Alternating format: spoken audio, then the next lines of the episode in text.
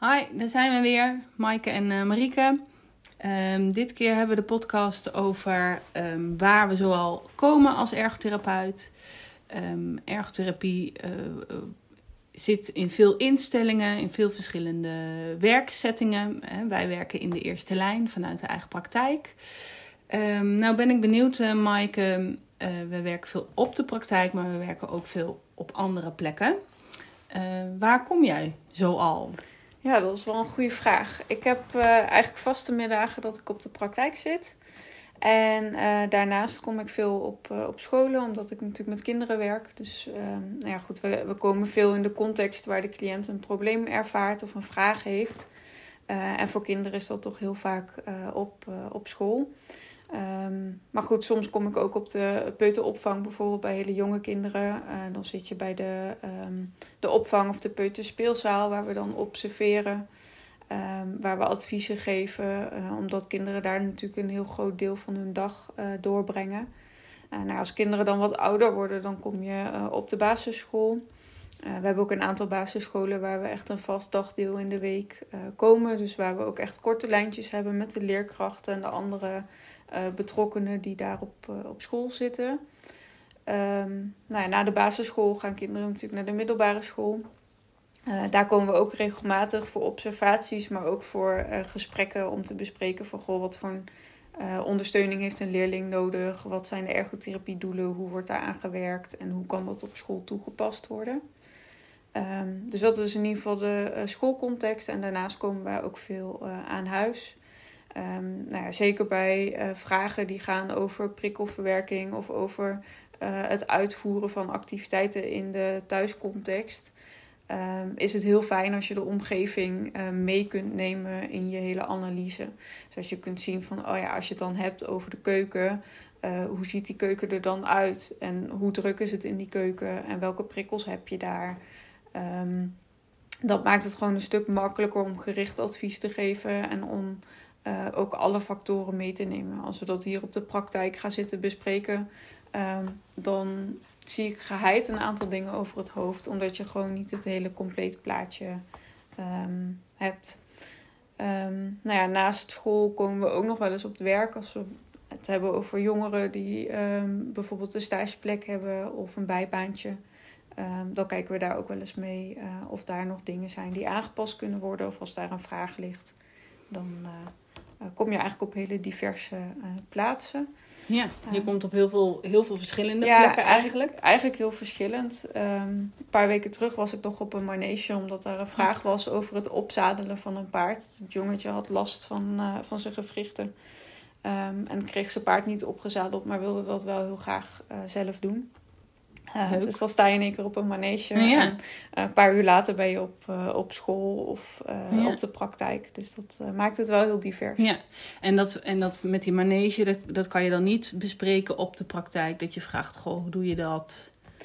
Um, dat is niet voldoende. Nee, nee, want kijk, ik, ik, heb zelf nooit paard gereden. Dus ik heb geen flauw idee. Kijk, ik kan me wel iets voorstellen bij, oké, okay, je legt een zadel op een paard. Maar er komt zoveel meer bij kijken dan alleen het zadel op een paard leggen. Het gaat ook om um, dat je je paard eerst moet borstelen. En dat zo'n paard veel groter is dan uh, een kind. Dus uh, je hebt het trappetje nodig. Um, er, er zijn gewoon veel meer handelingen. Ze moeten zo'n, uh, hoe heet zo'n ding, een halster. Geen um, idee. met de teugels en zo, dat, ja. dat moeten ze omdoen. En ja. het paard moet geborsteld worden. Nou, um, werkt het paard wel mee of niet mee? Is een paard heel schrikachtig? Um, nou ja, ik heb echt mijn ogen uitgekeken hoeveel verschillende factoren er ja. nog bij komen bij het opzadelen van een paard. Het is niet je gooit er een zadel op en je bent klaar. Nee.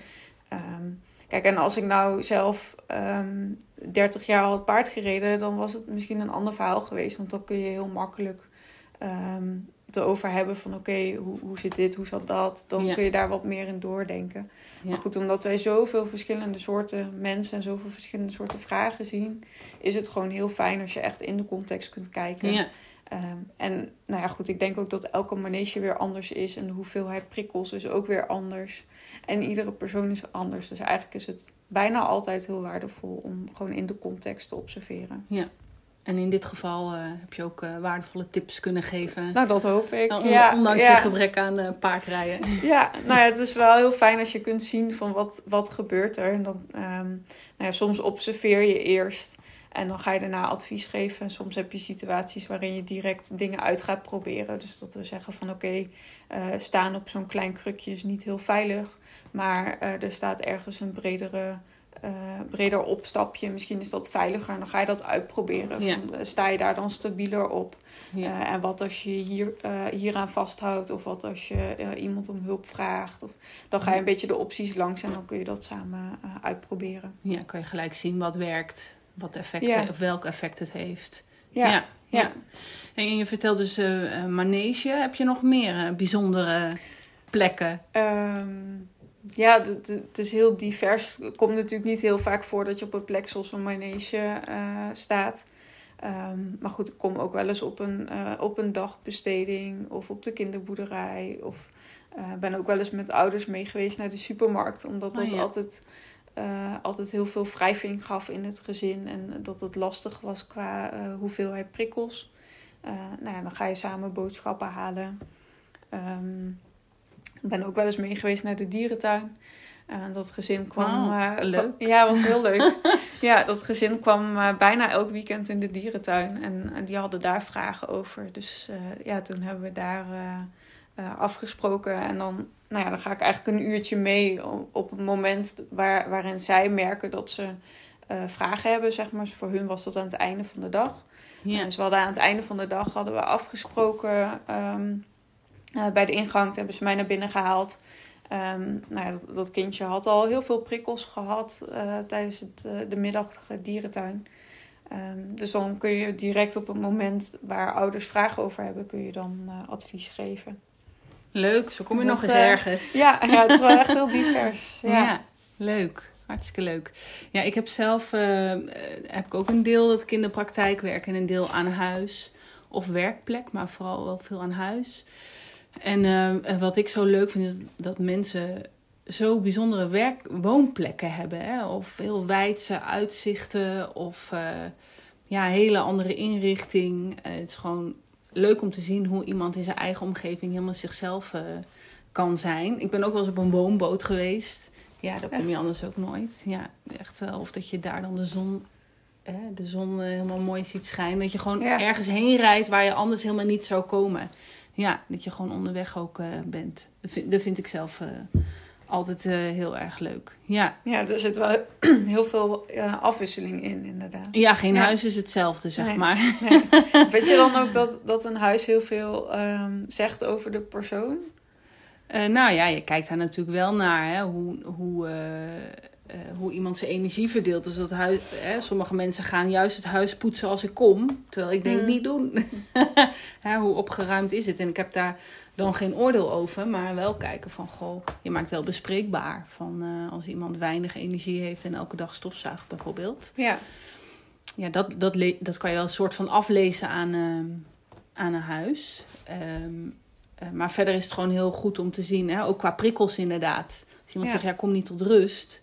En je ziet daar van allerlei tierenlantijntjes staan. Ja, dan Ja. kan je dat wel bespreekbaar maken. Wat je anders niet te weten komt als je er niet eh, bent. Nee. Hè? Of als, er- als er eh, de, de hond van de buren bij wijze van spreken constant aan het blaffen is.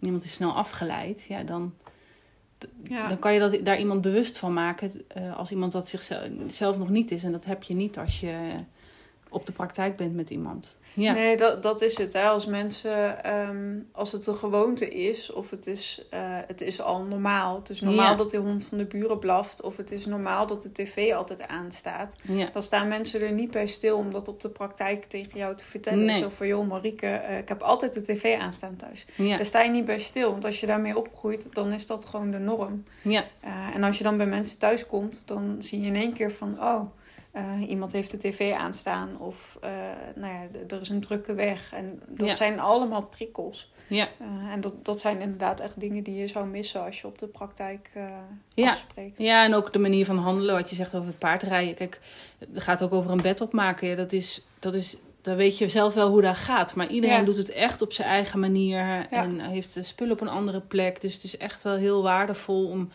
niet alleen te bespreken qua tips hoe het handig kan, maar om het ook echt eh, samen te doen en te kijken. Ja. Ja. Ja, er Ja. zijn zoveel factoren. Wat voor een bed heb je? Wat voor een, eh, eh, hoe hoog is je bed? Wat voor een de- dekbed gebruik je? Wat voor een overtrek? Waar ligt het inderdaad? Ja, ja. En ik weet van een van onze collega's dat hij eh, een keer op een eh, operatiekamer heeft meegekeken bij iemand. eh, hè, als we Ja. het hebben over bijzondere werkplekken, Ja, of ja. bijzondere plekken waar wij werken. Een operatiekamer, ja, dat- hoe, hoe gaaf is dat? Dat je daar dan komt om te kijken hoe een werkhouding van iemand is. Ja, Ja, er zijn zoveel diverse locaties eigenlijk waar je, waar je terecht komt. ja, Ja.